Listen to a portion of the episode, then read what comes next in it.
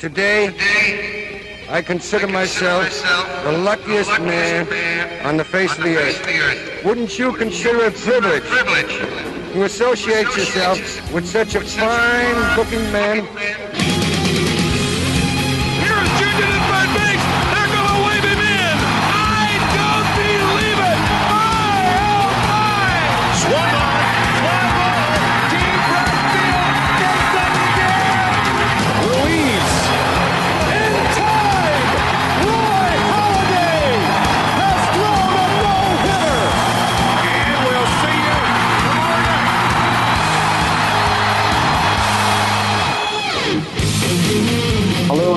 Weer een gloednieuwe aflevering van de Just a Bit Outside podcast. De enige echte MLB podcast van Sport Amerika.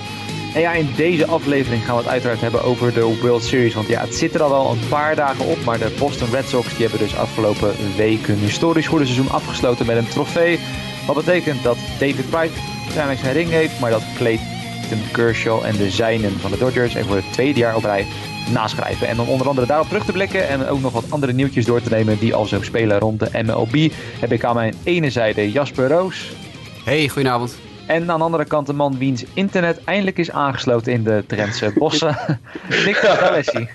Ja, nou, fijn dat ik er weer ben. Precies, ja. En het mocht, eh, nou, nou ja, de mensen die zullen het allemaal niet weten. Het kost ook even wat moeite om deze verbinding ook eh, aan de gang te krijgen. Maar uiteindelijk eh, zitten we hier toch eh, met z'n drieën met hopelijk eh, goed werkende internetverbindingen. De rest Nou, van we de moeten show. eigenlijk, even dat fotootje dat Nick ons net stuurde even op Twitter gooien of zo. Hoe, Nick, heeft, zijn- Nick heeft zijn laptop op zijn zijkant op de grond staan en dan allemaal draadjes die overal naartoe lopen. En dat is de enige manier hoe het hele, werkt. hele creatieve setup. Moeten we niet de illusie in stand houden dat we met z'n drieën gezellig in een studiootje zitten of zo? Dat... Ja, joh, dat, Ja, eh, de- inderdaad. De, slimme Dit- dit- luisteraar dit- weet dat ja. al lang.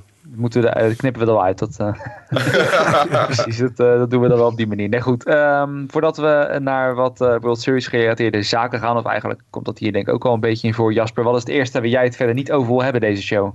Eh, ik wil het niet hebben over het feit dat eh, direct nadat de Boston Red Sox eh, gewonnen hadden in een kleedkamer keihard New York, New York van Frank Sinatra door de boombox lieten knallen. Want daar heb ik het op mijn Twitter van de week al over gehad. En ik heb een hele berg Zanik en de Red Sox fans eh, in mijn mentions gehad. Dus laten we het daar vandaag maar niet meer over gaan hebben.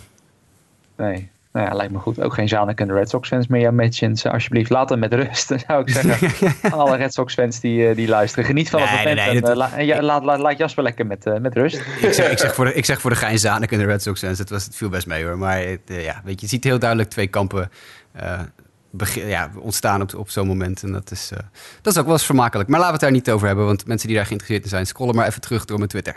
Precies, precies. Dat lijkt me een goeie. Nick, waar wil jij het niet over hebben deze show?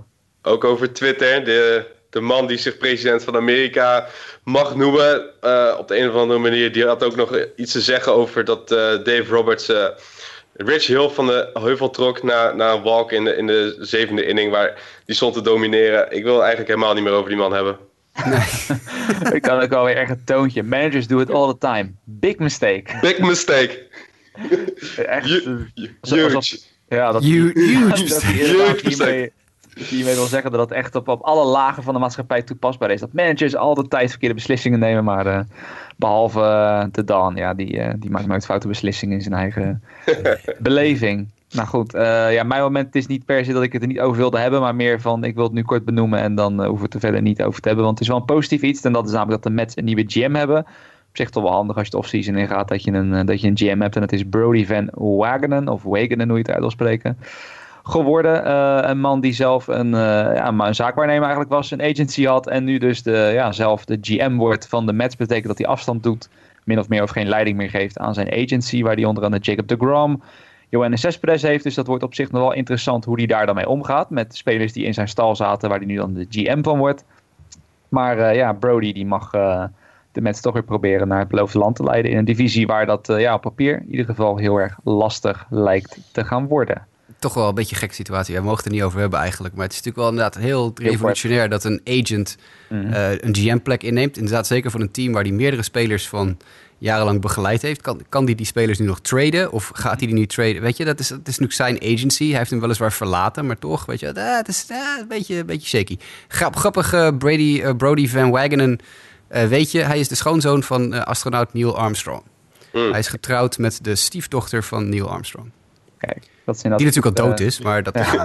Neil, Neil Armstrong dan, dat is die toch vrouw weer, niet. eh, maar- Nee, precies. Nou ja, dat is, ik geloof het laatste voorbeeld van dat zoiets als dit was gebeurd, was geloof ik eh, de GM van de Diamondbacks tot een paar jaar terug. Ik ben even zijn naam kwijt. eh. Eh, Mike Hazen? nee, Stuart, Stuart eh, was zijn achternaam. Stewart, Dave Stewart, ja, ja, ja. ja. Precies. voor Mike dat was het laatste voorbeeld, maar die, die heeft het niet heel lang uitgehouden. Het was niet een heel groot succes. Nee. Eh, maar ja, we gaan zien hoe eh, Brody van Wegen het gaat doen in, eh, in New York. Maar goed, gaan we het verder dus niet over hebben. Eh, normaal dus het moment van de week gaan we nu een beetje het moment van de World Series van maken. Want we gaan het niet zo gedetailleerd per wedstrijd doen. Eh, het is toch al een paar dagen geleden. Dus de meeste mensen die hebben denk ik al wel alles gehoord, gelezen eh, over de World Series. En dat allemaal is verlopen. Maar toch laten we allemaal één moment eruit pikken wat ons het meeste bijstaat. Van de 4-1 overwinning van de Red Sox op de Dodgers. Jasper, beginnende bij jou. Wat staat jou het meeste bij van deze series? Ja, toch ook, ja, het is een klein beetje Donald Trump eh, eh, waar ik aan, eh, aan vasthaak. Maar het is ook het tweede jaar op rij dat het, het bullpen manager van Dave Roberts niet alleen ter discussie staat, maar ook dat, dat ik zelf ook wel eens denk van, ja, weet je, het is toch weer, vorig jaar zei ik dat volgens mij in een podcast ook al een keer, het overmanagen. Er was een, een statje op Twitter eerder vanavond van onze grote vriend Bob Nightingale van USA Today. Die toch wel bekend staat om zijn ja, wat verouderde kijk op honkbal af en toe. Maar die komt zo nu en dan toch met, eh, met leuke feitjes en weetjes. Dus hij zei eh, vandaag onder andere dat in 2014 hadden we in het hele seizoen 14.461 relief appearances in het seizoen. In 2018 was dat 16.339. Dat is dus bijna 2000 meer relief appearances in, pas, in slechts vier jaar tijd. En dat is een van de oorzaken dat hij zegt ook dat de, de wedstrijd in de latere innings zo ontzettend traag lijkt geworden. Want ondanks het feit dat MLB ontzettend veel doet aan het, eh, aan het ja, repareren van, van de pace of play waar we het heel vaak over gehad hebben. eh, lukt dat dus gewoon totaal niet. En dat komt door die enorme eh, toename aan relief appearances. En een van de grootste eh, daders op dat gebied is eh, Dave Roberts. Die, dat hebben we in de World Series ook weer gezien. Eindeloos pitchers blijft wisselen. En gewoon af en toe, en dat is misschien ook wat managers als AJ Hinch en Alex Cora en, eh, en zo iets beter hebben gedaan. Eh, die, die, die kunnen wat beter op hun handen blijven zitten. Die kunnen wat beter gewoon even, zitten. Laat het maar even uitspelen. En dat betekent niet dat ze niks wisselen natuurlijk, maar gewoon veel minder vaak. En Dave Roberts is af en toe een beetje te trigger happy voor zijn eigen, voor zijn eigen goed, denk ik, voor zijn eigen welzijn. En dat is denk ik toch iets wat er een beetje ook weer hier, eh, hier naar voren is gekomen, denk ik. Eh, dat, dat manager van Dave Roberts, ik, ja, ik, ik, ik vind dat toch wel iets waar we even bij stil kunnen staan. Want ik weet nog niet in hoeverre dat natuurlijk de Dodgers verliespartijen, zowel vorig jaar als dit jaar hebben ze verloren, of dat dat heeft beïnvloed. Ja. Nou ja, het is kijk, andere kant eh, kan je natuurlijk zeggen van dat het bullpen hem ook niet altijd een dienst bewees, waardoor hij misschien gedwongen werd tot dat eh vele wisselen. Want ik zit toevallig even van die vierde, dat was de vierde wedstrijd geloof ik voor Metalen, wat hij toen allemaal eh switchte. Toen heeft hij ook, en na Rich Hill, die ging dan 6,1 innings, dan heeft hij daarna in totaal zes relievers gebruikt om de resterende eh, nou ja, 2,2 innings Ja, precies. vol te maken. Maar ja, dat zijn wel relievers die echt, echt letterlijk, elke van de zes relievers heeft minstens één run opgegeven. Van eh, nou ja, Alexander tot aan Kenta Maeda en tussendoor Kenley Jansen, Ryan Madsen natuurlijk, Ja. eh et cetera. Ja, ze gaven allemaal runs op, dus in zo'n geval werd hij denk ik wel gedwongen. Alleen werd het alleen maar van kwaad tot erger. Eh, waar je dan dus misschien anderzijds kan zeggen, nou had misschien één iemand er toch iets langer op laten staan, ondanks dat hij een run opgaf, dan had hij het misschien wel rechtgetrokken. En dat dat constant te wisselen, dat had echt het averechts effect toen. Uh, maar nee, Dave Roberts die is wat dat betreft wel voor mensen die uh, pace of play uh, positief willen beïnvloeden wel echt het, het kwaad, zeg maar. Want nou ja, we hebben het natuurlijk eerder over gehad, die, die heeft inderdaad een handje van. En of het echt de reden is geweest, denk dat het niet veel had uitgemaakt als die paar dingen anders had gedaan. Maar toch, ja, het, is wel natuurlijk het tweede jaar op dat het weer terugkomt. Dus er zit misschien ergens wel een punt in, denk ik. Ja, nee, ik weet niet. Ik, ik vond uh, ook wel een mooi momentje, dat is misschien even iets minder belangrijk om bij stil te staan, maar Chris Sales hype speech. Ja. En het, het, het, klappen van de boepen als uh, Sale in de laatste wedstrijd uh, uit de boepen komt rennen. Dat, dat waren heel veel positieve Chris Sale momenten voor mij te vinden in deze World Series. Dus dat dan weer wel.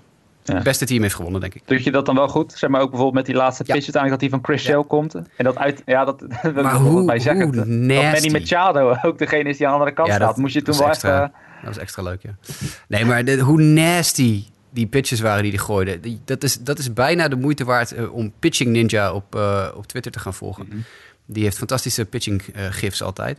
En zo ontzettend nasty. Het is echt unhittable. Die swing die, ik geloof, Kike, Kike Hernandez voor Machado aan slag loslaat op die slider... die echt misschien wel anderhalve meter buiten de plaat begint... en inside eindigt. Het is echt... Het, Chris Sale haalde alles uit de kast in die laatste inning. En dan, dan is hij echt letterlijk unhittable. Chris Sale is een van de beste pitchers van de laatste tien jaar in de Major League. En als hij dus echt het op zijn heupen krijgt, zoals die laatste inning... Nou, dan, dan, is het, dan kan, je, kan je het gewoon vergeten. Dan kan je het echt gewoon vergeten. Ja, want dat was dan inderdaad. Het, is niet mijn moment geworden, maar het was wel eentje waar ik over zat te dubben. Want ja, wat ik zeg, die laatste pitch, het is altijd mooi, vooral de World Series, als die dan eindigt op een strikeout. En nou ja, hoe mooi als je dan Chris Sale tegenover Manny Machado hebt. Waarbij vooral uh, meneer Machado zich natuurlijk niet heel erg populair heeft gemaakt. Uh, op zijn zacht gezegd, zeg maar, bij, bij ons honkbalfans. Dus ja, bij mij kon, kon het er ook wel een klein glimlachje vanaf toen ik zag hoe Machado echt, eh, tot op zijn knieën geloof ik zelfs. Hij swingt echt voor de fences. op zijn knieën terechtkomt en nou ja, gewoon geen contact kan maken. Dat, dat deed mij ook wel goed. Wat, wat riep nou allemaal, die high speed? En volgens mij, je zag hem roepen van... He's got beeping two pitches of zoiets, hè? Die ja, ja. Was, uh, er zaten flink wat piepjes inderdaad in, ja. Rich ja, got two pitches. ja, dan, uh, ja, hij was mooi boos. En als iemand zoiets nooit doet... Ja. Dan, schrik je toch, denk ik. En dat doet wel wat met je team. Je zag het ook. Ja, en nogmaals, dit, dat, applaus dat hij van zijn medewerpers in de bullpen kreeg toen hij het veld opliep, dat vond ik echt al heel indrukwekkend. Dat, zei, dat is uh, game recognizes game, weet je wel, zegt ze ja. dan. Dat, is, uh, ja, dat was vond ik mooi, vond ik goede shit. Ik heb dus eigenlijk gewoon heel stiekem twee momenten van de World Series gekozen. Eentje van de Dodgers kant en eentje van de Red Sox kant. Ja, ja goed. Dan Nick, naar jou toe. Wat was jouw World Series momenten van de ja. week? Ja, het gaat eigenlijk ook een beetje over bullpen management. Of nou, van de andere kant, Alex Cora. Min of meer een beetje gedwongen. Uh, in die lange marathon game die we al gezien hebben, 18 innings, 7 uur en 20 minuten lang. Nou, ik ben benieuwd of een van onze luisteraars dat echt van begin tot eind heeft gekeken. Zo, zo ja, uh... applaus. applaus als je dat gezien hebt, maar als je terug hebt gekeken, dan zie je ook wel dat Nate Eovaldi, Eovaldi moet je eigenlijk zeggen, komt in de twaalfde inning, nadat hij game 1 en game 2 al gegooid heeft in relief. En dan gooit hij gewoon even 97 pitches. Hij average geloof ik 98 maal per uur met zijn fastball. En hij, ja, als je de interviews ziet na afloop met de Red Sox, dat is echt een inspiratie geweest voor hem wel. Daardoor voelden ze niet zo 18 innings en we verliezen hem toch op zo'n walk-of homer. Maar we hebben zo'n moment in een wedstrijd, schrijft zo'n team dan toch bijeen. Om dan weer zichzelf op te richten, denk ik, voor de, ja, de volgende twee die ze dan wel pakten. Heel knap trouwens. Dus ze stonden eigenlijk uh, uh, hebben ze Iovaldi een soort van inspiratie genomen om toen uh, in game, moet ik even goed, 4, uh, in die laatste drie innings die al die runs eruit te knallen toen ze eigenlijk 4-0 kansloos achter stonden. Ja. En uh, ja, Iovaldi heeft gewoon een magische prestatie geleverd. Die is gekomen eigenlijk als ja, een soort half mislukte starter, omdat ze toch problemen hadden met Eduardo Rodriguez en uh, Pomeranz voldeed niet aan de verwachtingen. Ja, hebben ze hem gehaald en hij is nou eigenlijk wel goud waard gebleken. Ja, nou ja, dat, dat is ook eigenlijk toch dan weer een voorbeeld om dan toch kort terug te komen op Jasper's punt. Dat je het zag dat uh, nou ja, een tijdje gewoon zei van Iovaldi is mijn guy en die gaat ons gewoon net zo lang in de verlenging uh, brengen als, uh, als dat nodig is. En terwijl Roberts dus voor de strategie koos, die begon de verlenging officieel met nou ja, Jansen, die geeft natuurlijk dan de save op. die zorgt ervoor dat we naar extra innings gaan. dat is eigenlijk dan ook wel een beetje pijnlijk dat Kenley Jensen toch voor het tweede jaar op rij wel wat dingen laat liggen voor de Dodgers. Dat is toch wel, uh, ja, toch wel pijnlijk. Maar goed, daarna zie je, dan gooit die Bias er tegenaan voor twee innings. Madsen voor uh, 0.1 inning. Alexander, Flora, Maeda, Urias. En dan eindigt het uiteindelijk met Wood, die dan wel de overwinning uh, op zijn naam krijgt. Maar ja, Roberts die daar dan weer echt ervoor koos om bijna per inning iemand anders er tegenaan te gooien. Ehm, ja, terwijl die daar misschien ook dan beter één, één iemand. Maar goed, aan de andere kant misschien had hij geen vertrouwen in andere werpers. Maar uh, ja, Iovaldi, ik had toen zelf, dat heb ik zelf niet gezien, maar ik begreep ook achteraf ook dat, dat Iovaldi ook zelf ook echt emotioneel werd, geloof ik. Hè. Toen ze eigenlijk wel verloren, dat het echt, uh, dat, dat hij maar in zijn eentje bleef strijden, zeg maar. Dat het ja. wel, uh, dat, dat, dat wel bepaalde emoties bij hem losmaakte, ook bij zijn teamgenoten. Maar wat je zegt, dat heeft denk ik wel uiteindelijk het, op positieve manier emoties eruit laten komen die ze later inderdaad ja, op een goede manier hebben, hebben gebruikt. Ja, je kan natuurlijk voorstellen, na zo'n echt zo'n heartbreaker wat je dan verliest, en een walk-off uit, ze trouwens maar één wedstrijd verloren uit die hele postseason. Dat is ook wel knap. En dan ja. verlies je hem en dan moet je terug. En dan moet je de volgende dag sta je 4-0 achter. En dan kom je nog terug. Ja, dan moet je het dan, en dan, als ze dan na die wedstrijd over praten, dan pakken ze allemaal Iovaldi's appearance dan terug als een soort inspiratiemoment. Van hij kan het, laten wij, wij gaan er ook voor. Ja, ja, dat vind ik een mooi moment. Het is altijd zoiets wat dan over tien jaar, dan weet elke Red Sox fans nog, nee, Eovaldi geen, was nooit echt een opvallende naam, maar dat iedereen kent hem nu. En die zat, ja, hij heeft nu gewoon zijn plekje verdiend in de story. Ja, nou ja, dat is sowieso mooi. En eh, toch wel dan aan de verliezenkant nu even die 18 inning games weer terug te kijken. En dan een kleine SO naar uh, Walker Bueller. Ik heb natuurlijk eerder deze, deze podcast, eerder in de playoff uh, previews en reviews al... nou ja, de nodige complimenten uitgedeeld. Maar hij was toch eigenlijk wel de belangrijkste reden dat de Dodgers die wedstrijd eerder al kunnen, hadden kunnen pakken. Gooide gewoon zeven innings, maar twee hits tegen, zeven strikeouts. En hield verder gewoon een nul op het, op het scorebord. Dat was toch mooi om te zien dat Walker Bueller wederom in de playoffs eigenlijk, uh, ja, gebaseerd op statistieken, gewoon de meest dominante en stabiele uh, Dodgers pitcher was. Ja. En dat is dan toch wel een jongen waar ze de komende jaren in ieder geval, uh, ik denk bij de andere teams in de divisie nog wel lastig mee gaan krijgen met Walker Bueller. Ja, Kershaw deed het toch weer net niet, hè? Dat, nee, ja. toch weer niet. Nee. nee. dat is dan toch weer een beetje het verhaal, hè, inderdaad. Ja. Ja, dat, dat had ik ook in het laatste, in het laatste uh, wedstrijdverslag geschreven, wat op de site stond. Ik geloof dat hij nu 1 en 4 is in zijn carrière in beslissingswedstrijden. Dus uh, dit is niet de man die op de heuvel wil hebben als het, uh, als het do or die is, win or go home is. Dat, nee. hij heeft alleen de Nationals kant, ja. vorig jaar heeft hij kunnen verslaan. En voor de rest is het altijd kansloos in de laatste in beslissingswedstrijden. Ja. Aan de andere kant is het natuurlijk ook wel dubbel, want je kan zeggen ja, in beslissingswedstrijden dan krijg je natuurlijk ook wel het beste van het beste tegenover je. Uh, maar ja, ben ik alsnog ja, wel eens dat één van de, de vijf winnen wel inderdaad te, ja. te min is, zeg maar, voor iemand van zijn statuur. Van die, ja, hij is, hij is de man. De allerhoogste ERA van alle starters ooit, hè, met hoeveel 4 plus elimination ja. games? Ja. Ja, 6,06 ERA. Ja, het is gewoon niet, niet, niet Kershaw. Nee, nee. nee het, is, het is toch iets in hem dat, uh, ja, dat het toch niet doet. Het, is wel, het brengt ook wel die situatie waar hij nu in zit natuurlijk wel wat meer naar de voorgrond. Hè? Want hij heeft op zich uh, hij heeft, hij heeft een opt-out. Dus hij kan eventueel uh, kan hij beslissen om zijn contract te onderbreken uh, met, met de Dodgers en eventueel te verlengen. Maar er wordt toch gespeculeerd op internet dat de, de, de situatie waar hij nu in zit, dus, dus een paar dagen verlenging, dat, ze, dat de Dodgers en Kershaw al om de tafel zitten om een eventueel extra twee jaar één of tweejarig contract eruit te onderhandelen. En uh, dat hij dan nog in LA blijft. Want het, ja, het is dus een van de beste werpers die wij in de laatste tien jaar gezien hebben. Mm. Maar uh, om dat te zeggen dat hij in de playoffs altijd uh, brengt wat hij moet brengen, nee, toch niet echt. Nee. nee. Nee, wel, daar wil ik dan wel even met mijn. Uh, ik zal dan ook twee momenten pakken aan beide kanten. Uh, enerzijds het moment van de winnaar dan van de Red Sox is dan toch wel David Price. Want om dat daar een beetje te linken. Ik bedoel, David Price was de afgelopen jaren de pitcher bij uitstek, bij wie iedereen zei van, nou, uh, geweldige pitcher, uh, niks op af te dingen tijdens het reguliere seizoen over het algemeen. Maar ja, in de playoffs is het gewoon een en al drama en is het gewoon wachten tot hij uh, tot die instort. En eigenlijk dit postseason, natuurlijk de ene keer net wat beter dan de andere keer, maar vooral in die laatste wedstrijd, dan staat hij tegenover Kershaw. En nou ja, gaat hij uiteindelijk, ik geloof met een 4-1 voorsprong, gaat hij dan de heuvel af en geeft hij het af aan Joe Kelly en Chris Sale uiteindelijk in de laatste inning. Dus ja, David Price, dat vind ik dan op zich wel mooi, mooi voor hem. En uh, ook achteraf was hij daar best wel uh, ondaan over, zeg maar. Dat hij toch hè, best wel liet merken dat het hem best wel dwars hard gezeten al die jaren. En dat elke keer maar weer terugkwam van hij kan nooit winnen in de postseason. Ook niet als het erop aankomt, maakt niet uit wat. Hij was na een tijdje geloof ik 0 en 9 uh, ja. in, in, zijn postseason ja. start. Nou, het is echt een bizarre statistiek, vooral voor een werper van, van zijn statuur kan je toch wel stellen. Uh, maar dit postseason viel toch allemaal in elkaar. En dat hij dan vooral in zo'n beslissingswedstrijd gewoon zijn waarde bewijst. Dat vond ik in ieder geval voor David Price zelf wel een, uh, een mooi moment. En verder, en dat heeft eigenlijk achteraf... Uh, het was een van die momenten, het is de Yasiel Puig home run in game 3. Mm. Het is zo'n moment waarvan je normaliter zou zeggen gewoon van... Hè, dat was op dat moment zo'n klap, ook gewoon qua de emotie erbij kon kijken van dat doet de wedstrijd omdraaien. Daar hebben we het eerder deze, in deze podcastreeks ook wel eens over gehad. Van die momenten dat je die in de wedstrijd ziet en dan meteen denkt van nou, nu, nu is het klaar. Nu gaan ze niet meer terugkomen. Uh, maar dat moment vond ik ten eerste vond ik het gewoon hoe het in beeld werd gebracht gewoon prachtig. Dat, nou ja, Puig, ik zou eerlijk zeggen, het is natuurlijk niet iedereen's meest geliefde honkballer. Nee. Uh, maar toch de, de emotie, weet je, hoe hij dan toch die, die, die knuppel weggooit. En dat de Rodriguez gewoon tegelijkertijd in hetzelfde frame, zeg maar die handschoen echt knijterhard tegen de heuvel uitge- aangooit. Echt uit pure frustratie, omdat hij wist van nou, ik heb nog één pitch nodig om hem weg te krijgen. En in plaats van dat je met 1-0 achterstand de heuvel afgaat, wordt het 4-0. Gewoon toen ja, de, de ontlading daarbij loskwam. Dat zijn altijd van die positie momenten. Dat, uh, ja, dat, dat, dat vind ik altijd prachtig om te zien. Een beetje vergelijkbaar met die, die Jose Bautista bedflip en dat soort dingen. Dat gewoon iedereen helemaal uit zijn plaat gaat. Dat, uh, ja.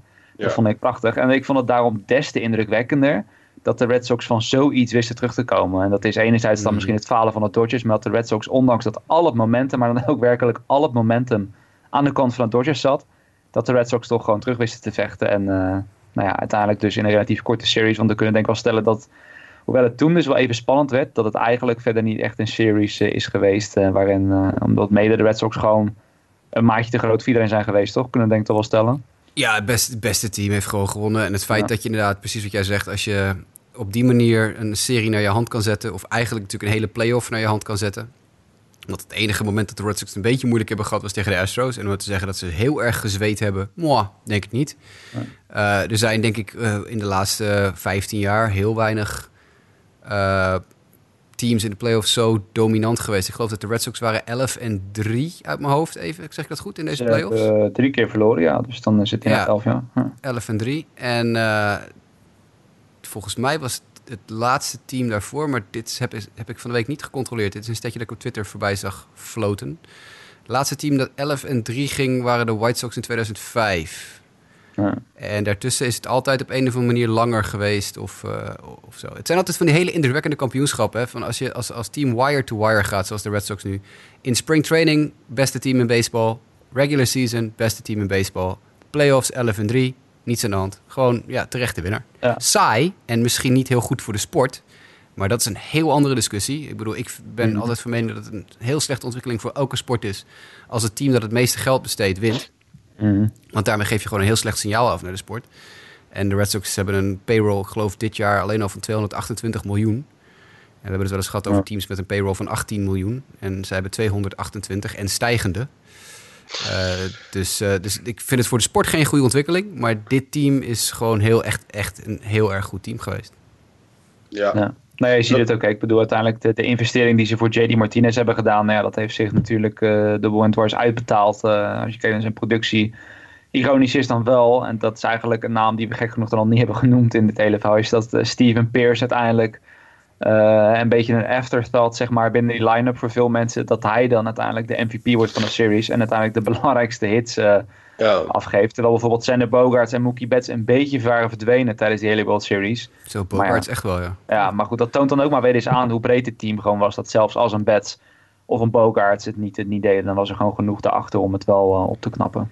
Volgens mij was Pierce de tweede speler in de geschiedenis die een seizoen met een ander team begon dan dat hij de World Series MVP Award mee won. Ik ben even vergeten wie de tweede is, maar eh, hij is dus de, pas de tweede persoon die, eh, die een, een- ja, een seizoen niet begint met een team waar hij uiteindelijk wel World Series MVP voor wordt. Dus dat is ook wel op zich een dingetje. Ik bedoel, Steve Pierce heeft zichzelf in twee maanden tijd eh, naar een miljoenencontract eh, geslagen. Ja. Eh, Als het niet Ja. met de Red Sox is, dan is het wel ergens anders. Want een team gaat nu ineens veel te veel geld naar Steve Pierce, die natuurlijk verder een buitengewoon matige honkballer is. gaan ze veel te veel geld naar die gozer gooien. Is wel een beetje een, eh, een Giants move, eh, Chris. Eh, Nick, wat, wat vind je ervan? Ik weet niet waarom je Chris noemt. Waarschijnlijk omdat Chris Sales een... Chris Sale, ja. ik, ik heb Chris Sales een pagina voor mijn neus staan nog. Dus, denk jij dat, Nick, dat de, de Giants eh, eh, Steve Pierce binnen gaan halen? Dat, dat hoop ik toch niet. Ze nemen nu een nieuwe GM. En die, ja, die zal toch wel als taak krijgen rebuilden. En niet zozeer, eh, ja, tenminste een beetje ondervallend proberen te rebuilden dan. Ja, die zal niet voor zo'n speler gaan. Kijk, we hebben daar genoeg van gehad. Ze proberen er juist een beetje vanaf te komen met McCutcheon wegdoen en al, die, al dat soort dingen. Maar ja, eh, precies. het is wel echt een Giants move, daar heb je gelijk in. Maar ik heb, ik heb een hoop op betere tijden eh, voor Giants fans. Ja, terecht. ik, eh, toen, toen ik van de week die, eh, die, die eh, payrolls op zat te zoeken van de verschillende teams. En de Red Sox is ver bovenaan, 228 miljoen. Ik geloof de Cubs tweede met 200 miljoen. En de Giants zijn derde met ja, ja. 199 miljoen dollar. Nee, nee, nee, nee. Onder de tekstline. Onder de tekstline. Ja, ja, dat zijn ze. 199 stond er op Spottrack van de week. Dus dat, eh, Oh. Maar dat, dat, dat, dat, kan, dat kan nog niet ge- bijge- bijgewerkt zijn sinds de trades van McCutcheon natuurlijk. Dat, dat weet ik niet. Ik weet het, ze betalen heel veel mensen heel veel geld. Dat is Ja. een beetje... Ja, tijd voor een grote schoonmaak. Maar goed, Nou ja, dat, is, dat- eh, dat dat- is een ander ja. punt. We hebben een voordeel dat eh, de Red Sox betalen Sandoval nog. Dus Ja, dat is waar. Ja, Dat. Moet je nagaan. Dat telt dus ook allemaal nog mee voor die. Voor die Ja, Even, even over Price nog. Had ik twee dingetjes nog die ik geinig vond. Dat ik even wilde zeggen nog. Want het was inderdaad. We hebben hem behoorlijk bekritiseerd. Ook vorige week in de podcast. En hij. eh, waar Kershaw wegzakt. Was hij. eh, ja, toch groeide hij in één keer boven zichzelf uit. Steeg hij boven zichzelf uit. Zijn eh, shirt uit de laatste wedstrijd gaat naar de Hall of Fame. Of is al naar de Hall of Fame. Dat vind ik leuk voor hem. Ja. Eh, onder andere ook, ik geloof, wat was het? De bril van Joe Kelly. Die ook echt, pff, laten we even wel wezen. Joe Kelly hoeven we niet uitgebreid te bespreken. Maar die inning die hij gooide voorafgaand aan die inning van Sale. Die twee relievers, zes strikeouts hè, met, z'n- met z'n tweeën. Ja. Zes, zes slagmensen, zes strikeouts. Ook Joe Kelly was echt lights out. Niks op af te dingen. nee. eh, 16 inning. Wat had hij? 0,71 ERA. Meest, Ja. Meeste relief innings van allemaal. Volgens mij was Echt zoiets. Echt zes- ziek. 16, 16 innings geloof ik al. Maar Ja, on, onbezongen held. Het, eh, Joe Kelly Ja. echt een fantastische playoffs ook. Eh, en eh, het feit dat, daar moest ik ook wel even op lachen. Eerder in het seizoen hebben we het gehad over... Toen was David Price op een gegeven moment geblesseerd aan zijn pols, geloof ik. En toen kwam er naar buiten dat hij volgens veel personen te veel op de spelcomputer zou zitten. Dat hij te veel zou PlayStation. En dat hij daarom dus last van zijn pols had gekregen. Omdat hij te veel Fortnite speelde. Daar hebben we het spelletje Fortnite weer. En toen kwam er eergisteren naar buiten dat eh, David Price de uren voorafgaand aan zijn laatste start gespendeerd heeft met het spelen van inderdaad Fortnite. Dus eh, daar heeft hij ook even mooi eh, lak aan gehad. Dat vind ik even lekker, lekker tot rust komen, toch? Voor zo'n belangrijk moment. Dan Ja, alleen, maar misschien was het probleem daarvoor inderdaad dat hij zich alle te veel ermee bezig hield en zich te veel op de Juist, focuste. ja, ja, misschien wel. Nou ja, dat, even, eh, eh, twee leuke David eh, Price eh, feitjes. waar, waar Fortnite al wel niet, eh, goed voor is. Nou goed, ik, eh, ik zou zeggen nogmaals dan gefeliciteerd aan de Boston Red Sox. En eh, nou ja, benieuwd eh, hoe het zich volgend jaar allemaal eh, gaat Eindelijk weer eens een kampioenschap in Boston, hè? Eindelijk weer eens een kampioenschap Ja. in Boston. Ja, dat was, eh, ik mag hopen, Neil Peets, eh, mocht je dit eh, horen, dat het eh, met een eh, sarcastische ondertoon was. Want eh, ik denk als we kampioenschappen gaan tellen van de Boston Greater Area, waar we dus ook de Patriots natuurlijk bij mogen schaden dan van de NFL, dan eh, zijn er Ja, maar ja. weinig steden die ook maar in de buurt komen, denk ik. Vooral als we vanaf 2000 gaan tellen. Dus dat, eh, Ik ja. moest wel een beetje lachen om die hoor. Dat, eh, ik, ik, ik denk inderdaad eh, dat het, dat het eh, met een licht sarcastische ondertoon was. Want de Ik Bruins denk- hebben een Stanley Cup gewonnen in, wat was het, 2008. De Patriots hebben een handvol titels gewonnen sinds weet ik wanneer. De Red Sox hebben vier titels in 14 jaar gewonnen. In de afgelopen 14 jaar. Dus ik zei voor de gein al tegen Niel van de week. Ik zeg, hey, de teams met, met fans waarvan het team twee kampioenschappen in 100 jaar heeft gewonnen... zeggen ook gefeliciteerd hoor. Weet je wel? Dat mensen, kinderen. Nou goed, oké. Nou ja, de, de Super Bowl ja, zal daar wel naar LA gaan dit jaar, denk ik. al Super Bowl hadden verloren en zo. Dus het was toch wel wat langer geleden. Precies, ja, ja, eindelijk, eindelijk een kampioenschap weer voor Ging Boston. nu, ging nu een keer goed. Ging nu een keer goed. Maar Het is goed, niet, laten niet, we- niet alsof de Celtics eh, lekker meedoen of zo, weet je wel? Dat soort dingen. Nee, het baggerteam natuurlijk. Die uh, er helemaal niks van momenteel. Ja. Staan geloof ik maar tweede of derde in de Eastern Conference. Maar goed, dat is voor We zijn, we zijn niet jongens van jaloers. de- We zijn niet van jaloers. de, van de NBA-podcast om daar verder over te, te bakkeleien. Dan nog kort, eh, want ja, over de World Series hebben we dan denk ik alles wel gezegd. Even alvast wat korte nieuwtjes. eh, Jasper, je had met name wat dingetjes op een rijtje gezet. Vooral omdat dit een beetje, een beetje de periode ook is van de opt-ins en de opt-outs. Oftewel de clubopties en spelenopties. eh spelers die besluiten te blijven of juist niet willen blijven om een, bijvoorbeeld een nieuw contract te onderhandelen. We hadden net met Clayton Kershaw erover. Die heeft geloof ik ook zijn optie bijvoorbeeld. Hè, dat hij of nog een jaar Ja. de spelersoptie blijft. Nou ja, nu hebben ze dus wat meer tijd. En dat hij eventueel dan net iets langer de deal kan onderhandelen. Eh, je had nog wat andere namen geloof ik van spelers die hebben ingeopt. Of dat nog gaan doen. Ja, het verschil tussen opt-ins, opt-outs en options. eh, je hebt wederzijdse options. Hè, dus je hebt club options en je hebt eh speler options. En die kan je zelfs gecombineerd hebben. Het kan een combinatie cluboptie, speler-optie zijn. Dan moeten allebei de partijen moeten iets kiezen. Als je alleen een speleroptie hebt, dan kan de speler beslissen. Als je alleen een cluboptie hebt, dan kan alleen de club beslissen. En dan heb je ook nog opt-ins en opt-outs die tegenwoordig in contracten gebouwd worden. Die zijn vooral voor spelers die denken van... nou, ik ga nu een contract tekenen, maar over drie jaar eh, denk ik dat ik veel meer kan verdienen. Dan kan ik zeggen, ik opt-out mijn contract. En ik ga proberen een nieuwe deal te onderhandelen met een ander team... om te kijken of ik meer geld kan verdienen. Eh, het is inderdaad opt-in en opt-out en option eh, tijdperk op dit moment. Nou, Chris Sale, zijn optie is gelicht door de club. Die heeft nog één cluboptie eh, op zijn contract zitten. En dat was denk ik de makkelijkste beslissing die een GM ooit genomen heeft. Want ik geloof dat hij eh, nog geen 15 miljoen gaat verdienen volgend jaar. En dat is natuurlijk lachwekkend weinig voor eh, iemand van het statuur van Chris Sale. Goed gedaan. Dus, eh, Dombrowski goed gedaan. Ja, dat is ehm, denk ik inderdaad de makkelijkste optie die hij ooit gelicht heeft. David Price heeft zijn opt-out niet gebruikt. Eh, want die had dus precies zo'n opt-out in zijn contract dat hij er eventueel nu uit zou kunnen stappen. En dat was wat ik gelezen heb vooral gedaan omdat toen hij zijn contract bij Red Sox tekende niet helemaal duidelijk was of de club überhaupt de goede weg op aan het gaan was. Of dat er zeg maar, het zou kunnen zijn in theorie dat de club minder goed af was dan dat ze nu zijn. En dan had hij waarschijnlijk zijn opt-out gebruikt en was hij bij een andere club gaan spelen. Bij hem is het niet zozeer om geld te doen, want geld krijgt hij toch wel. Maar aan de andere kant, als hij nu opt-out, dan is er geen team dat hem zoveel geld gaat betalen als de Red Sox hem nog moeten betalen. Dus ook financieel gezien Nee. een logische beslissing voor David Price. Elvis Andrews van de Texas Rangers heeft zijn opt-out niet gebruikt. Dus die blijft ook bij de Rangers. Verstandig, denk ik, na een jaar waarin hij langdurig geblesseerd is geweest. Dan is je marktwaarde heel laag. Dus dan ga je zeker geen eh, extra geld ergens anders verdienen. En Adam niet- Wainwright. Ik weet trouwens niet even tussen over Andrews of dan de Rangers daar eh, zo blij mee zijn, zeg maar. Een beetje gezien de situatie waar ze in zitten en zo. Dan zou je denken, dat zou het voor hun best wel mooi zijn. Nou ja, Andrews weg en eh begin aan een nieuwe start. Maar goed, als je hem nu... ja, eh, het zijn, het zijn twee dingen die daar een beetje voor in de weg staan. Ten eerste hebben ze geen echte vervanger op korte stop voor achter Andrews. Uh, en ten tweede hebben ze uh, het geld hadden ze toch al begroot dat die, dat op zijn contract zit. Dus dan kan je hem net zo goed maar even laten blijven. Want veel slechter dan dit jaar. Hij begon natuurlijk echt als, alsof, alsof hij in de fik stond dit jaar. Alleen ja, toen raakte hij zwaar geblesseerd. En dan, dan is je seizoen eigenlijk weg. Dus de hoop is bij, in Texas denk ik vooral dat hè, we moeten hem toch al betalen. Uh, hij is toch een beetje het gezicht van die franchise aan het worden. Nu ook Adrian Beltre uh, langzaam aan het vertrekken is. Dus ik denk dat ze op zich uh, zoiets hebben van... Nou ja, we, Ja. we hadden hem toch al in onze line-up. Ja, bedacht, dat dus wel zo. Maar er wordt, wordt wel veel betaald alsnog als ik zo kijk. Ja, oh zeker. Vijf- 15 miljoen voor de komende vijf jaar. eh, want hij kan inderdaad na... Volgend jaar kan hij ook nog eh, voor een opt-out kiezen, zie ik hier. En dan daarna is het gewoon eh, tot, met, tot en met zijn 34ste gewoon 15 miljoen eh, per jaar voor meneer Andrews. Dus die Ja. zal er niet slecht bij zitten. Dat denk ik ook niet. Ik denk ook niet dat hij zijn opt-out gebruikt volgend jaar. Tenzij hij dus inderdaad voor een club speelt. tenzij hij dus een fantastisch jaar heeft en de Rangers zijn weer waardeloos. Dan zou het kunnen zijn dat Ja. Andrews zegt: ik, ik wil hier weg. En dan kan hij dat dus gebruiken. Eh, Adam Wainwright, noem hem wel even een keer terug bij de Cardinals. Vond ik heel opvallend, want Wainwright is hartstikke op. Daar zit geen, geen productieve pitch meer in. Maar ja, goed, keert dus toch, toch terug bij de Cardinals, Mr. Cardinal. Eh, en eh, Eduardo Nunez blijft bij de Red Sox. Vond ik, vond ik wel een leuke move. Want ja, Nunez ja, heeft toch wel ook zijn bijdrages gehad op bepaalde momenten, denk ik, voor de Red Sox Ja. dit seizoen. Ook in de World Series Ehm, natuurlijk eh, belangrijk geweest. De eerste wedstrijd vooral, Ja. hè? Zeg ik Ja, inderdaad. Ja, nee, absoluut. Hij heeft absoluut een rol gespeeld. En eh, verder, ja, dat heeft niks met opt-ins of opt-outs te maken, maar met, wel met vertrekkende eh, mensen of, of, of clubfiguren. Ehm, een aantal, ja, je ziet het altijd, hè, als je een, een team hebt dat succesvol is geweest, dan vertrekken er wel eens mensen. En de Milwaukee Brewers eh, hebben daar duidelijk eh, iets over meegemaakt. Want eh, een, meer, een meerdere coaches zijn vertrokken bij de club. Pitching coach Derek Johnson is vertrokken.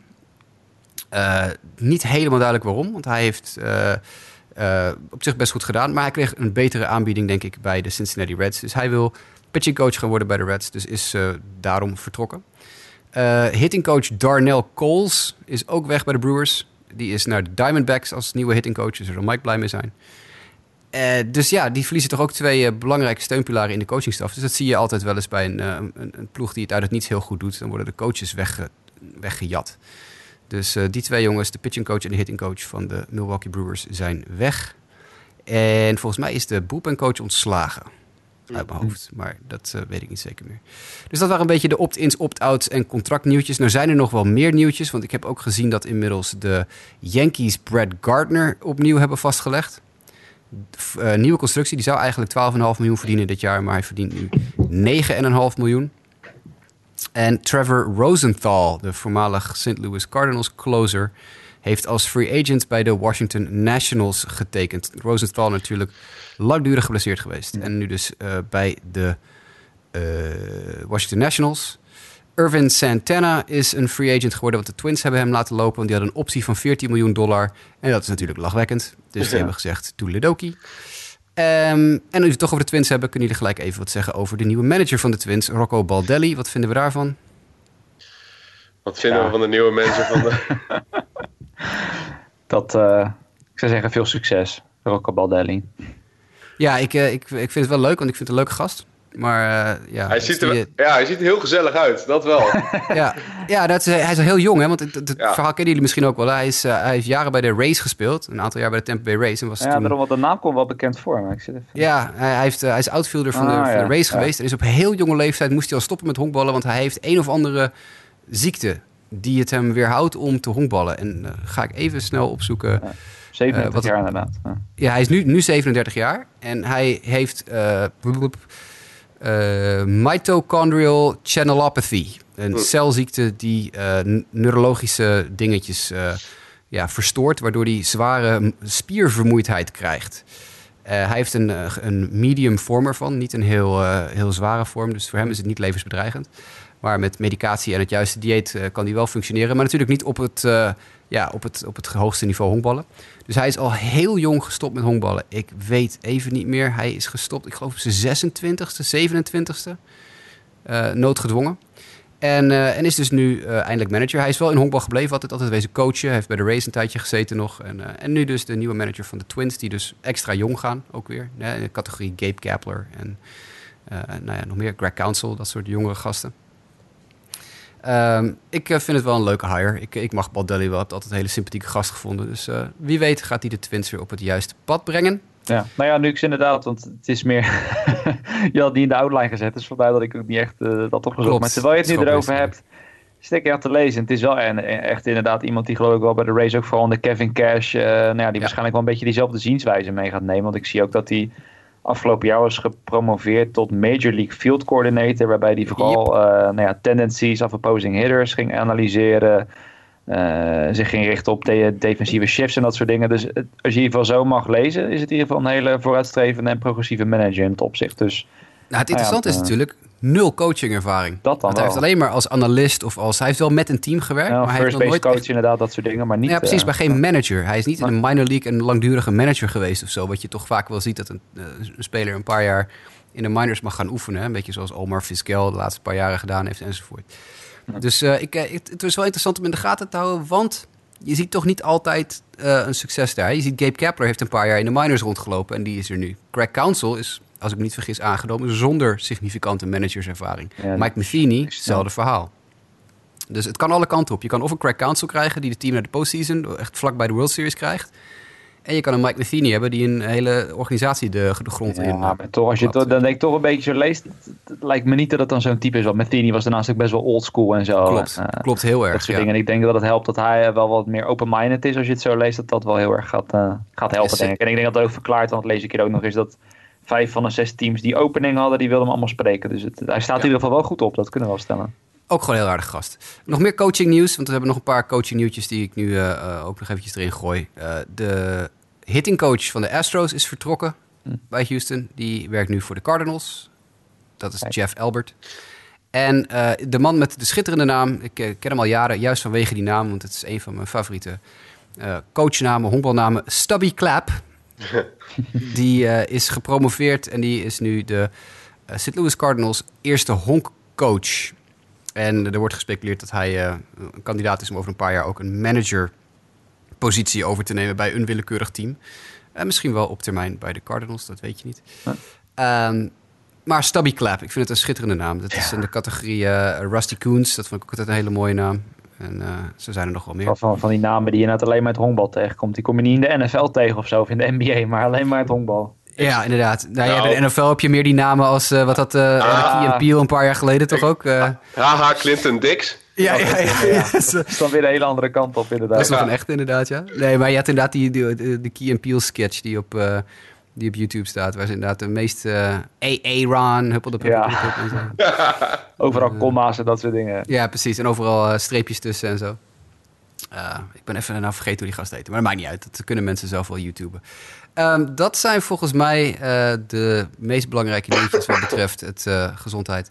Wat betreft het, het ruilen van coaches en het tekenen van spelers. We hebben er nog eentje die net gebeurd is, terwijl wij zitten te podcasten. Is ook de eerste trade van het offseason geweest. En dat is Manny Banuelos. Kennen jullie Manny Banu- Banuelos nog?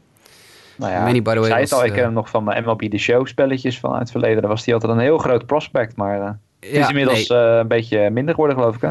Ja, Banuelos, voor de mensen die dat misschien nog heel lang geleden weten, er was ooit een, eh, een trio werpers in de New York Yankees organisatie. Die heette de Killer Bees. Dat waren Manny Banuelos, Dylan Betances en Andrew Brackman. Eh, de drie B's. De Killer Bees. En van die Killer Bees was Manuel Manny Banuelos de beste toen als prospect in prospect status. Nou, inmiddels weten we natuurlijk allemaal wie Dylan Betances is. Want Dylan Betances is zo ongeveer een van de beste setup mensen van de hele Major League. Eh, maar Andrew Brackman is al volledig uit, uit baseball. Die is al sinds 2013, heeft hij geloof ik niet meer onder contract gestaan bij een club. En Manny Banuelos is ook een beetje van de aardbodem afgevallen. Want die heeft wat armblessures gehad. Die heeft volgens mij Tommy John gehad. En die heeft sinds 2015 niet meer in de Major League gegooid. Het is een linkshandige werper die wel over goede staf beschikt over het algemeen. Maar dit is dus ja, weer een killer bee die eventjes eh, tevoorschijn. Want je had natuurlijk de killer bees bij de Astros met Biggio en Bagwell en Beltran toen. Maar later had je de killer bees bij de Yankees met Banuelos, Betances en Brackman. En Banuelos is onderweg naar de Chicago White Sox in ruil voor minor league infielder Justin Jurczak. En dat betekent dat dat de, ik uit mijn hoofd, vierde trade is tussen de White Sox en de Dodgers in drie jaar tijd. Kijk, kunnen Dus mensen die niet hebben, die zeggen hebben een dat ze goede, niet, Ja, Die hebben moeten niet zeggen dat ze niet eh, overal van op de hoogte zijn. eh Nee, precies, die de transactions. Dus dat zijn een beetje de, de trades en de deals die ik tot nu toe bij elkaar verzameld heb. Zo, dan mag nu Nick weer even praten.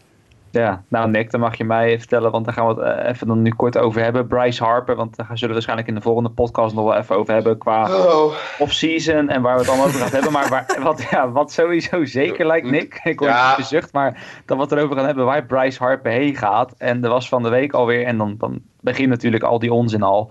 ja. Dat Scott Boris eh, op eh, Yes Network was het geloof ik al... eh zei Scott dat hij wist waar hij heen ging. Wat een erge mensen. Scott, Scott en Bryce Harper. En dat, dit spelletje, want dat, dat is het natuurlijk wel. Het spelletje gaat, dat gaat echt nog een tijd duren. Hè? Dus nou heeft hij zogenaamd ergens getekend. En dan gaat Boris gaat weer in een hal met eh 100 journalisten staan. Dan gaat hij weer wat rare dingen roepen. En dit gaat, gaat gewoon door net zolang totdat een of andere club hem 400 miljoen biedt. En dan eh, tekent hij bij het kruisje. Maar ik, ik, ik kan me niet voorstellen dat hij dat echt gedaan heeft. Want het is, het is ja, hij wil toch die bidding war. En dat is gewoon, dit is gewoon het begin van zo'n bidding war, denk ik. En zo niet, eh, gefeliciteerd Phillies. Ja, nou ja, het is, eh wat ik zei dat toevallig nog even te, op te zoeken. Men, zegt ook van ja, eh, zeg maar, eh, hij mag niet eens echt kaart onderhandelen met andere teams momenteel. Dat zou hij alleen met de Nationals mogen doen. En mensen zeggen ook, nou, het lijkt me sterk dat Scott Boras met hem een deal bij de Nationals eh, aan het onderhandelen is. Want dan zou hij het toch niet heel erg goed hebben gedaan, tenzij de Nationals ergens een, een hele bak met goud hebben, hebben gevonden. Maar eh, ja, dit, ik denk dat het, wat jij zegt, gewoon het begin is van het spel. En allicht, het kan natuurlijk wel dat ze wel allebei één team op het oog hebben. En dat dat team ook natuurlijk Harper op het oog heeft. Dus dat ze misschien tussen de regels door het wel weten. En denken dat ze een bepaald bedrag eruit kunnen halen. Ja, maar, ja, Ja, dat, je- maar dat, dat hadden we met Zach Greinke toen ook. En die ging ineens naar de Diamondbacks. Die zou bij de Dodgers blijven voor een hele zak geld. Die kon toen 10 miljoen meer krijgen daar. Nou, dan gaat zo'n jongen. Want de Bryce Harper is ook wel... Ja, hij, is wel zo, hij moet wel ergens in de spotlight staan. Maar dat kan bij genoeg teams. Dus die, is echt, die gaat echt wel wachten tot het hoogste bod, denk ik. Ja, je, moet, je moet ook zien waar, die, waar Boras het zei. Hè? De, de Michael Kay Show. Dat is eh, van het Yankees-netwerk, van Yes Network. Daar heeft eh, Michael Kay, de commentator eh, van de Yankees, heeft daar zijn eigen show. En het was in die show dat Boras zei... eh, hij, hij heeft het al voor elkaar, het is, allemaal, het is allemaal zo goed als rond. En de Yankees zijn natuurlijk een van de teams die veelvuldig aan Harper zijn gelinkt ook. Die een enorme bak met geld tot hun beschikking hebben. En hij probeert natuurlijk op die manier een klein beetje de Yankees eh, te pushen om misschien nog meer te bieden dan ze al willen, zouden willen doen. Om in de hoop een Ja. eventueel tegenbod te, te, te counteren. Dus Ja. dat is Die een achter, ja, de achterban van de Yankees zullen dus natuurlijk wel dat management wil onder druk gaan zetten. tuurlijk En de, de seizoenskaartjes moeten op deze tijd weer worden verlengd. Dus ja, dan krijg je dat spelletje. absoluut. Het is 100% dat. Dat kan, dat kan bijna niet anders. Ik denk nog steeds dat Harper bij de Cubs of bij de Phillies gaat tekenen. Eén van de twee. Nou ja, het is inderdaad ook, want Nick gaf dan ook de Phillies inderdaad aan. eh, een beetje cynisch om ze alvast te feliciteren. Moeten we natuurlijk nog zien. Maar Ja. want dat had jij dan gevonden, Jasper, dat ze bij de bookmakers wel de grootste favoriet zouden zijn om zowel Manny Machado als Bryce Harper binnen te halen. De Ja, moet je je voorstellen dat Nee. de Philadelphia Phillies die Maar- twee te- spelers krijgen, man. Dat heb je gewoon ook, eigenlijk alle sympathie heb je gewoon ook vergooid ook. Als je die twee in één team zet, toch? Ik bedoel, je hebt, Mhm. dat zijn wel twee haantjes ook. Ik Ik weet denk het niet, wel, ja. het gaat ook niet. Ja, aan de andere kant, het past na. Ik weet niet, Harper zie ik op zich nog wel. Het is natuurlijk wel pijnlijk voor zowel de, nou ja, de Nationals, die dan natuurlijk Harper binnen hun eigen divisie heel vaak moeten gaan tegenkomen. Dus ik zou het ergens de Nationals niet gunnen. Ik zou het eh, de Mets-fans ook niet eh, gunnen, moet ik zeggen. Niet, niet, niet toewensen, nee. Precies, dat, dat Harper in de divisie blijft. dat je er maar- eindelijk van hem af bent, is hij er ja, nog steeds. ja, inderdaad. Maar goed, het, aan de andere kant moet ik wel zeggen, als ik kijk naar Harper, ik zie hem op zich wel in de Phillies uniform. Ik met Machado iets minder, gek genoeg, maar ik Ja. zie Harper wel, ik vind hem ergens wel iemand inderdaad die in Philadelphia die er wel echt een beetje bij past, zeg maar. Dat- Machado wil korte stop spelen. De Phillies hebben ontzettend veel tijd en geld en energie en draftpicks geïnvesteerd in JP Crawford op korte stop. ja, Eh, die, zouden ze, die zouden ze op kunnen schuiven naar drie eventueel eh, als Machado echt korte stop wil spelen. En dan kunnen ze Michael Franco eh, eh, traden of zo. Het, het past allemaal wel, het kan allemaal wel. Maar ik, Ja. ik, Harper past inderdaad wat dat betreft eh, iets beter, denk ik. Ja, je moest, je, allebei moest je niet eens willen, denk ik. En als je, Nee, nou als je- ja. Het enige wat nu mogelijk is, is dat Machado natuurlijk wel met zijn prestatie, met zijn gedrag, wat, wat Ja. goedkoper is geworden nu voor teams. Maar het is toch meer, dat vind ik meer een Yankee-speler op de een of andere manier. Ja, Ik wil- Terwijl, terwijl van de week op internet stond, gisteren, zeg ik even uit mijn hoofd, eh, dat de Yankees eh, wat eh, verkoeld zijn over Machado. Ze zijn nu nog maar lauwwarm geïnteresseerd, zoals het min of meer letterlijk stond. Lauwwarm, lukewarm. ja. lukewarm. Dat is ook bij het spelletje, denk ik. Dat denk ik ook wel. Nee, zeker weten, tuurlijk. De, de, de- als ze het met een discount kunnen krijgen, zullen ze het zeker nemen. Maar het, het zijn toch wel altijd een klein beetje dingen waar je toch een beetje mee in je achterhoofd moet zitten. Want inderdaad, wat je zegt, Nick, is 100% waar. Bespraken we vorige week ook in de podcast. Machado, die kost zichzelf eventjes een paar miljoen per jaar op deze manier. Met zijn Mm. rare gedrag. Werd van de week ook weer helemaal afgebrand op, eh, op Sports Talk Radio in Amerika. ESPN Radio, uit mijn hoofd zeg ik even. Helemaal met de grond gelijk gemaakt. Eh, en AJ Persinski, bij, eh, die was bij CSN Chicago te gast. Bij eh, een of andere honkbalshow daar, ik ben even vergeten welke. En die heeft hem ook werkelijk waar met de grond gelijk gemaakt. En dat is notabene Persinski, die zegt van ja, ik ben gewend, ik, ik weet hoe het is om de villain te zijn van een, van een league. Of mensen die, die, die een hekel aan je hebben om je gedrag. En dan zegt dat klopt ook, want ik speelde met haat in mijn haat naar mijn tegenstanders. Daar haalde ik motivatie uit. En zeg maar, je hebt mij nooit kunnen verwijten dat ik niet altijd 100% gaf. En Machado zegt gewoon hardop, nou, Johnny, Hassel, Johnny Hassel ga ik nooit worden. Weet je wel? Nou ja, dat, dat, dat, dat, kan je gewoon niet zeggen. Als oud-speler zei Brzezinski ook van dat gaat ook zo ontzettend slecht vallen bij wat voor nieuw team, als nieuwe teamgenoten die ook gaat, gaat tekenen. Want die hebben allemaal zoiets van ja, als jij niet vol, je krijgt bakken met geld, maar je speelt niet voluit. Dat is geld dat ook naar ons kan gaan. Mm. Weet je wel? Dus ik, ik kan me er wel een beetje voorstellen dat het, het binnenhalen van Machado ook binnen je team best wel een cultuurprobleempje op kan gaan leveren. Maar het is inderdaad wel, want ik zie inderdaad dan die, die, die odds voor me staan. Dat is dan van een paar dagen geleden. Maar dat de Phillies dan voor Machado favoriet. En de Dodgers zitten daar dan vlak achter volgens de wetkantoren. En dan de, de, de Yankees. Hè. Dodgers natuurlijk, omdat hij daar nu al zit. Nou, je zou kunnen zeggen, hij is natuurlijk nu verder meegekomen. Dus allicht dat hij dan zoiets heeft van... Maar, ik blijf liever hier. Ik weet dat ik met het team ver kan komen. En dat is dan een beetje de top drie die hier wordt aangegeven. En als outsiders worden dan gegeven de Marlins. Dat zou ik wel ergens hilarisch vinden. dat die, eh, ja, maar hij, kan- hij komt ook uit, Hij eh, komt uit Miami. toch? Precies, Ja, ja, dan zou dat het, het zou ergens wel hilarisch zijn hoor. Als de Marlins dan ineens eh, zo'n Ja, klapper dat, kan, dat kan natuurlijk niet. Die hebben vorig jaar alles en iedereen weggetrade eh, met een beetje Het zou waarde. wel weer typisch Miami zijn. Omdat ze geld moesten besparen. JT Real Muto ligt nog op de tradingblok daar. Daar zijn ook Oh. heel veel gegadigden voor. Dat is de laatste speler die nog een beetje geld verdient daar. is ook maar echt een schijntje. Maar goed, ze hebben alles en iedereen die maar ook een beetje geld verdiende daar eruit geknikkerd. Omdat ze die konden betalen. En dan zouden ze nu alles weer naar Machado gooien. Dat, is, dat, zie ik absoluut niet gebeuren. Echt absoluut niet. Nee. Nee. nee. En de Angels zijn dan nog de andere outsiders. Zie ik hier met de Braves en de Nationals eh, staat hier. Nou, ja. Ah, daar, kan, daar kan er echt geen korte stop gaan spelen alleen. Dat is dat, eh, Nee, nee want eh, daar gaat Simba weer een, eh, een gold glove ophalen. Dus, Ja. Precies. En bij, bij bij Harper is het dan inderdaad Phillies. En dan daarna krijg je de Cubs en de Nationals staan er dan zelfs ook nog wel vlak achter. Dus die worden dan Nationals dan best wel goede kansen gegeven. En dan als outsiders de Giants, Yankees, Dodgers, Red Sox, Angels. Ja, Ik hoef Harper niet in het Giants uniform. nou kijk. Giants vallen af bij deze. Nee, het niet uit, maar gewoon, wat is nou niet de tijd om dat soort jongens te halen? Ja. Precies. Het, nee, dat snap ik ook wel. Dus het is, Hey, ja, de hey. Phillies staan inderdaad goed voor. Ja, precies. En eh, het is iets heel anders schiet me nu ineens eh, trouwens te binnen, guys. Eh, dat moeten we misschien in, eh, zometeen in vijf minuten ook nog maar even doen. Nu we het over gold gloves hebben die Simba even gaat ophalen. Die worden zondag uitgereikt volgens mij. Misschien moeten we daar ook nog maar even heel snel... Ik heb de nominaties voor me staan. Dan rennen we er eventjes doorheen zometeen. Gaan Nou, we eventjes gold gloves voorspellen. Gaan we, redden, gaan we eh, redden, Nick, voor Feyenoord. Met, met de eye-test dan, hè? Want eh, de, de stats opzoeken, Nee, dat die, klopt. die Klopt. staan de laptop lukt niet. Dus, oké. Nee, nee, nee dat, maar dat heb ik ook niet voor me. Ik heb alleen de nominaties, dus we gaan puur op wat wij gezien hebben dit jaar. En Perfect. ik durf te wedden dat tussen ons drieën we best wel heel veel honkbal hebben gekeken dit jaar. Wel, Dus eh, dan gaan we lekker, lekker gokken. Lijkt me leuk. ja, Dat, eh, dat is goed. Yes. Maar goed, eerst nog eventjes, eh, eh, wat hebben we nog meer? Oh ja, eh Willy McCovey. Willy McCovey inderdaad Ja. nog. eh, ja, ik, heb, ik heb hem zelf nooit gekend als, eh, als speler, maar goed, de man was, Niemand de man was natuurlijk ook inderdaad al eh, aardig eh, oud. 80 jaar is hij uiteindelijk geworden van de week overleden, Giants legende. Mm. Eh, Jasper je had wel op de site een artikel erover eh, geschreven. Ja. Ja, Ja. maar ja, goed, het is niks een club. Hè.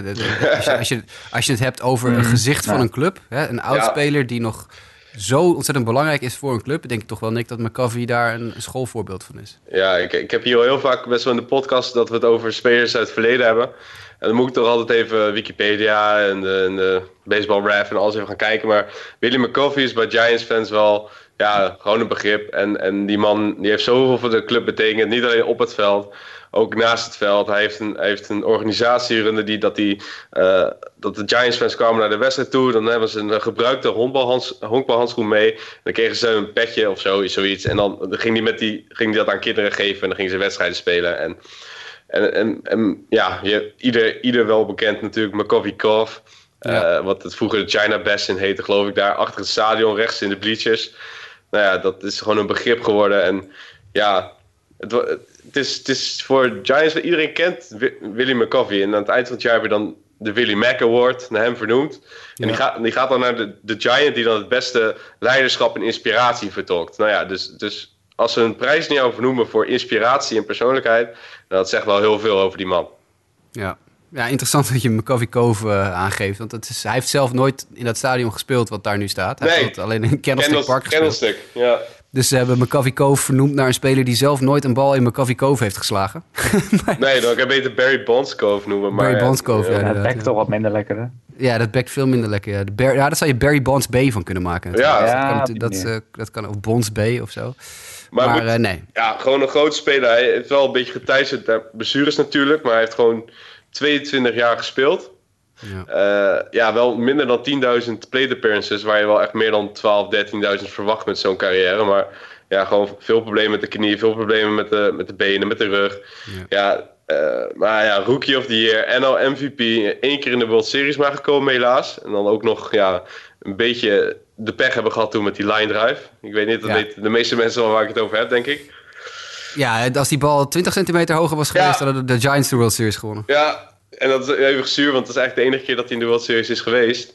Ja. En eh, ja, het is gewoon een, een legende. Aan het eind van het jaar gaan ze die prijs weer uitreiken. En dat, eh, ja, dat belooft weer televisie te worden. De Giants zijn daar toch wel... eh, daar, in dat opzicht zijn de Giants een goede organisatie... die dat goed hebben opgepakt met, met zo'n legende. Ik vind het mooie aan, eh aan McCovey altijd. Er zijn een paar dingen die, die, die heb ik ook in het artikel geschreven. Die, ik altijd, ja, die me altijd geboeid hebben aan die man. Hè, zijn bijnaam was Stretch, want hij was 1,93 meter lang. Had enorm lange armen en enorm lange benen. Het was echt een eh, soort van eh Mr. Elastic, wat dat betreft. Die al heel jong, eh, ja, eigenlijk de honkbal in, inrolde. Hè, mi- midden, jaren, midden jaren 50 hebben we het dan over. Op 17-jarige leeftijd. werd hij gecontacteerd door de Giants. En toen is hij eerst natuurlijk een paar jaar in de minor leagues ge. Voordat hij uiteindelijk naar de majors ging. Maar in die tijd dat hij ook in, in de minors speelde. Dus ze hebben het over 5, 6, 57. Eh, hij speelde toen in, in, onder andere in Dallas, eh, in, in Texas, in de AA League, in de Southern League. En dat was natuurlijk nog echt eh, gewoon zwaar gesegregeerd eh, in, in Amerika in die, in die periode, het zuiden. Dus het, het was, er waren nog aparte kranen voor witte en, en niet-witte mensen enzovoort, enzovoort. En hij mocht dus af en toe ook gewoon niet meespelen in uitwedstrijden, omdat, hij, omdat het team dan ging spelen in een, in een stad, ik geloof ook in Shreveport, Louisiana is daar een voorbeeld van, waar donkere spelers niet mochten spelen. Want dat was nog zo extreem gesegregeerd dat er alleen witte honkballers mochten honkballen. En dat is, als je dat bekijkt als, als startpunt van een carrière. Ik, iedereen weet die veel naar de podcast luistert dat de, de Negro Leagues mij ontzettend fascineren. Nou, dit is daar ja, net na. Maar nog steeds wel echt heftig, heftig racisme in die, in die leagues. Ja. En dat ja, vind ik mooi. Dat vind ik gewoon fascinerend. Hij was 21 toen hij zijn debuut maakte eh, voor de Giants. Hij werd pas fulltime player zes jaar later, hè, zag ik. Zes jaar later. Ja. Terwijl die Rookie of the Year werd op zijn 21ste. En zes jaar later was hij pas fulltime speler daar. Nou, het, terwijl het, het gekke is, als je dus naar, zijn, naar zijn, de- manier hoe hij ook debuteert kijkt. eh, hè, dat is in eh, juli, juli 1959, als hij 21 is dus. Eh, eh, met een, een debuut tegen eh, de Phillies. En daar gooide toen Robin Roberts die, die Ja. dag. En dat is een- later, later de Hall of Fame werper. En McCovey gaat even 4 uit 4. Drie trippels, twee trippels toch? Twee trippels. Ja. En, en er was in de, in de line-up ja, was het eigenlijk zo. Hij was de eerste honkman, hè, McCovey. En was eigenlijk ja, Orlando Cepeda, ook een legendarische giant, legendarische honkballer, ook een Hall of Famer. Die speelde op het eerste honk. Maar toen kwam McCovey in de minors en die had al een paar keer zijn coach gezegd... ik wil eerst honk spelen in, in de majors. Ik wil gewoon daar nu, ik ben daar klaar voor. En toen werd hij opgeroepen. Toen zei hij tegen de coach ook, ik wil nu eerst de honk spelen. En die zei, oké, vooruit, dan schuiven we Cepeda naar het derde honk. En dan ga je eerst honk. Dus dan schuif je even een superster uit je team, schuif je op naar een andere positie. Omdat er een 21-jarige rookie is die roept, ik wil eerst de honk spelen. Zo ontzettend Ja. eh, hoog gaven zij op over Nou, Willie McCovey. nou ja, was- die, eh, Cepeda het jaar daarvoor ook zelf rookie. En ook rookie of the year geworden. Ook op de Ja. eerste honk. Dus het is wel echt precies. twee supertalenten op hetzelfde moment, op dezelfde positie.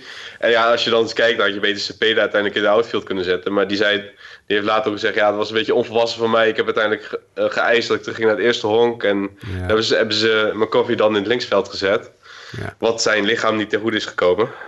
Maar ja, Nee, zeker niet. Maar ja, goed, ik bedoel, eh, hij is natuurlijk onderdeel van de twee Willies, hè? Willie McCovey en Willie Mays. Die overigens allebei uit Alabama komen. Dat vond ik ook wel geinig. Dat is jarenlang de twee Willies van de, van de Giants samengespeeld hebben. Eh, ja, echt fenomenale honkballer, eh, Willie McCovey. Echt fenomenale slagman. En misschien wel tot Barry Bonds de allerbeste linkshandige slagman in de National League aller tijden. Kijk, niks meer aan, eh, aan toe te voegen wat, eh, wat dat betreft zou ik zeggen. Gaan we door naar de, de Gold Gloves waar je het net over had gehad, die eh, Jasper. Had je Ja. ze al voor je? Ik heb, ik, heb, ik heb de nominaties voor me. Gaan we. American Kijk, League. Pitchers. Genomineerd zijn Dallas Keuchel van de Houston Astros, Corey Kluber van de Indians en Masahiro Tanaka van de Yankees. En daar mag je als kanttekening bij hebben dat Keuchel er al drie gewonnen heeft in zijn carrière. Dan gaan we Wie gaat hem in? Kegel weg, natuurlijk. Ja, dus dat, wordt vier, toch? Dat, Ja. is, eh, dat lijkt me wel. Ja, Justin, eens? Ja, eens. oké. Eh, catchers, American League. Jan Gomes van de Cleveland Indians. Martin Malton, Maldonado van de Houston Astros. En Salvador Perez van de Kansas City Royals. Met aantekening dat Maldonado er eentje in zijn kast heeft staan en Perez vier. Zeg, zeg maar, Justin. Ik zit te denken. eh, dit is mij uit Maldonado natuurlijk. ja, ik ben het helemaal me- met je eens. Die is, het naar, die is naar de Astros gegaan en die, die catcht gewoon die hele die superstaf daar, hè? Ineens. Uit het niks. Helemaal eens. Salvador Perez heeft ook... Ik heb veel American League Central gezien en wat dit jaar geen goed seizoen. Ik wil net zeggen, er- want Perez, ik zou anders Perez zeggen, maar die heeft inderdaad niet zo'n heel best seizoen eh, gehad. eh. Nee. En Gomes is een part-timer, dus dat doe ik niet aan. Eerste honk. Mitch Moreland van de Boston Red Sox. Matt Olson van de Athletics. En Justin Smoke van de Toronto Blue Jays. En de enige met één Gold Glove in de kast is Mitch Moreland. Roep hem maar. Nou, is toch lastiger dan ik dacht. Dit. Want Je zit heel vaak bij spelers eerder aan aanvallend vermogen te denken. Vooral bij dat soort posities. Eh, Ik, zou het, ik doe er maar gewoon een gunfactor. Geef maar Matt Olsen. ja, ook jong. Meer atletisch. Laten we gewoon daarop gaan. Eh, ik ga voor Justin Smoke dan. Oh. Dat vind ik, ook, vind ik ook wel een keer leuk. Ja. Maar ik gun het Olsen ook wel hoor. Eh, dat eh, gaat het niet om. Tweede honk. Genomineerd zijn Ian Kinsler van de Boston Red Sox. Jet Lowry van de Oakland Athletics. En Rooknet Odor van de Texas Rangers. Heb je het over drie spelers met een nou, toch uiteenlopende gunfactor denk ik. Kinsler heeft er eentje in zijn kast staan. Nou, zeg het Justin. Ik zit te denken, ik heb Kinsler eigenlijk ook helemaal niet zo heel vaak aan het werk gezien. Ik geef hem aan Lowry, zeg ik alvast. Ja, tuurlijk. Maar ja, Odor, Odor gun ik het niet. Sorry. Nee, precies, daarom. Zo simpel is het. Hey, we- oogtest, hè? We doen niks met stats vandaag. Het is allemaal oogtest. Ja. ja, dat zou ik ook zeggen, Lowry dan toch. Ja.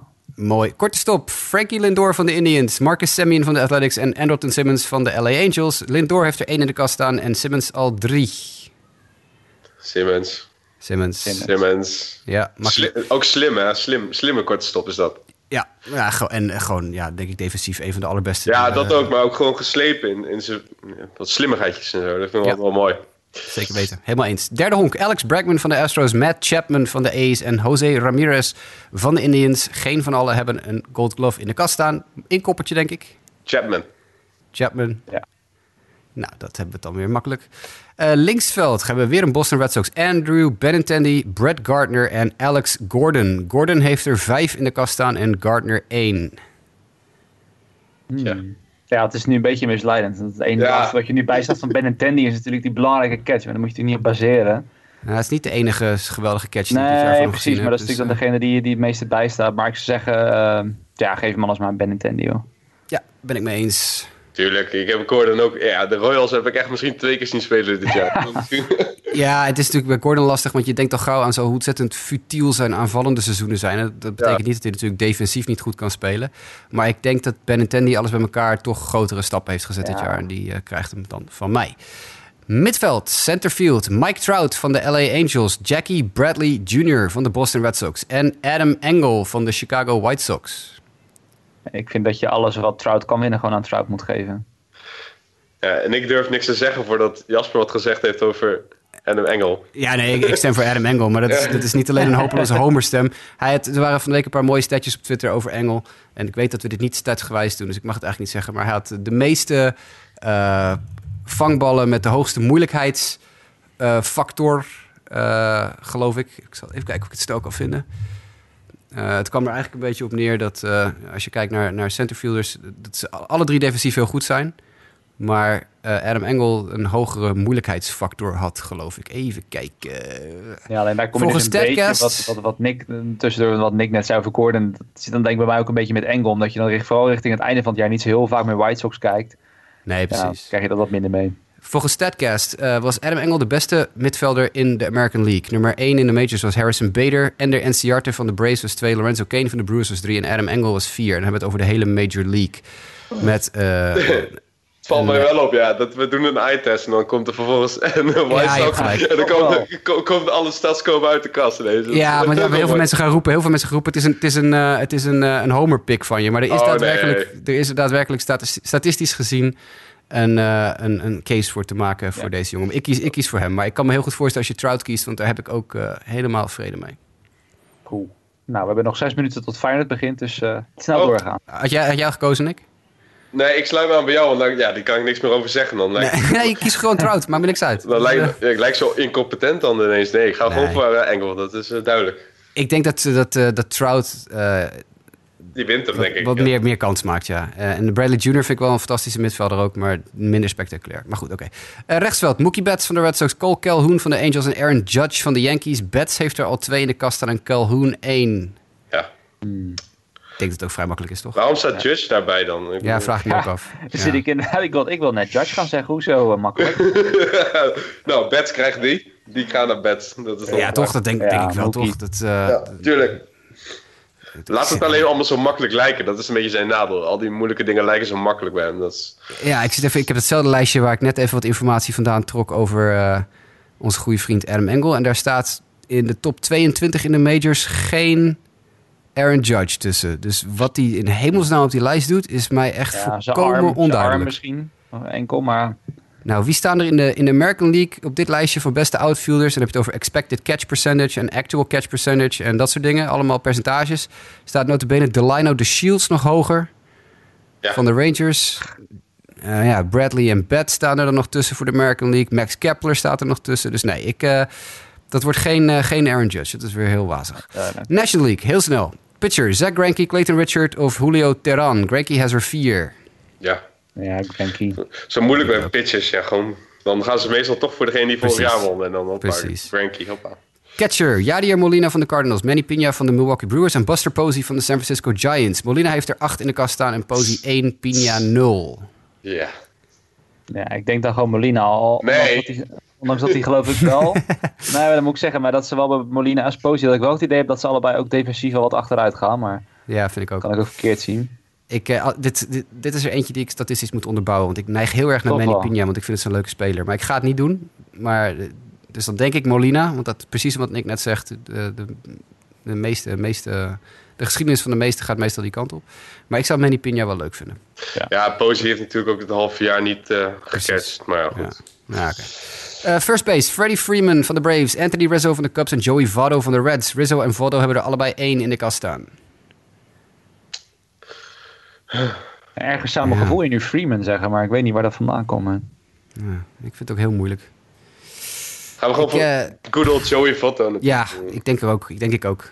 Maar dat baseer ik op heel weinig. Ja, nou, dat is bij mij dus ook. Mijn gevoel zegt ineens Freeman. Misschien dat ik bepaalde dingen van hem heb gezien dit jaar. Ja, maar- nou, nou, dat is, dat is, dit is allemaal gevoel en, en oogte. Second base, Javi Baez van de Cubs, DJ LeMahieu van de Rockies en Colton Wong van de St. Louis Cardinals. DJ LeMahieu heeft er al twee. nou, Gavi Baez. Ik denk het ook. ik denk dat. Baez die ook krijgt, ja. Ja, Eh kortstop, Nick Ahmed van de Diamondbacks, Brandon Crawford van de Giants en Freddie Galvis van de Padres. En Crawford heeft er al drie. Maar hij zou eigenlijk niet naar Crawford moeten gaan dit jaar, denk ik. Hij zal wel naar Nick Ahmed moeten, denk ik, eh, van de Diamondbacks. Daar heb ik toevallig ook wat stadjes over gezien. Ik weet ze Ah, dat alleen, oké. niet, niet meer uit mijn hoofd, maar... hij schijnt, dat schijnt, maar goed, hij zal eh, in de praktijk wel naar Crawford gaan, dat wel. Ja, dat denk ik ook. Ja. Ik, ik neig dan ook wel een beetje naar Ook Ahmed. Als jij dat zegt, geloof ik jou. Ja, natuurlijk. Ja. Third base, Nolan Arenado van de Rockies, Anthony Rendon van de Nationals en Travis Shaw van de Milwaukee Brewers. Vijf stuks in de kast bij Nolan Arenado, dat worden er zes. Zes, ja. Nee, wil ik ook zeggen. Arenado. Ja, toch? Trouwens, met Links- een korte stop had Trevor Story bij moeten staan, vind ik. Eh, eh, dat, ja, dat zou kunnen. Dat heb ik niet genoeg... eh, Nee, had, erbij, nee had ik erbij gezet als ik... Oh, als jij, als jij de baas was. Ja, ja, Ja, ja, oké. ja, ja. cool. Maar helaas, wij zitten hier. Ja, inderdaad. Linksveld, Corey Dickerson van de Pittsburgh Pirates, Adam Duval van de Cincinnati Reds en Christian Yelich van de Brewers. Yelich heeft er één al in de kast. ja, dan zou ik zeggen Jelic.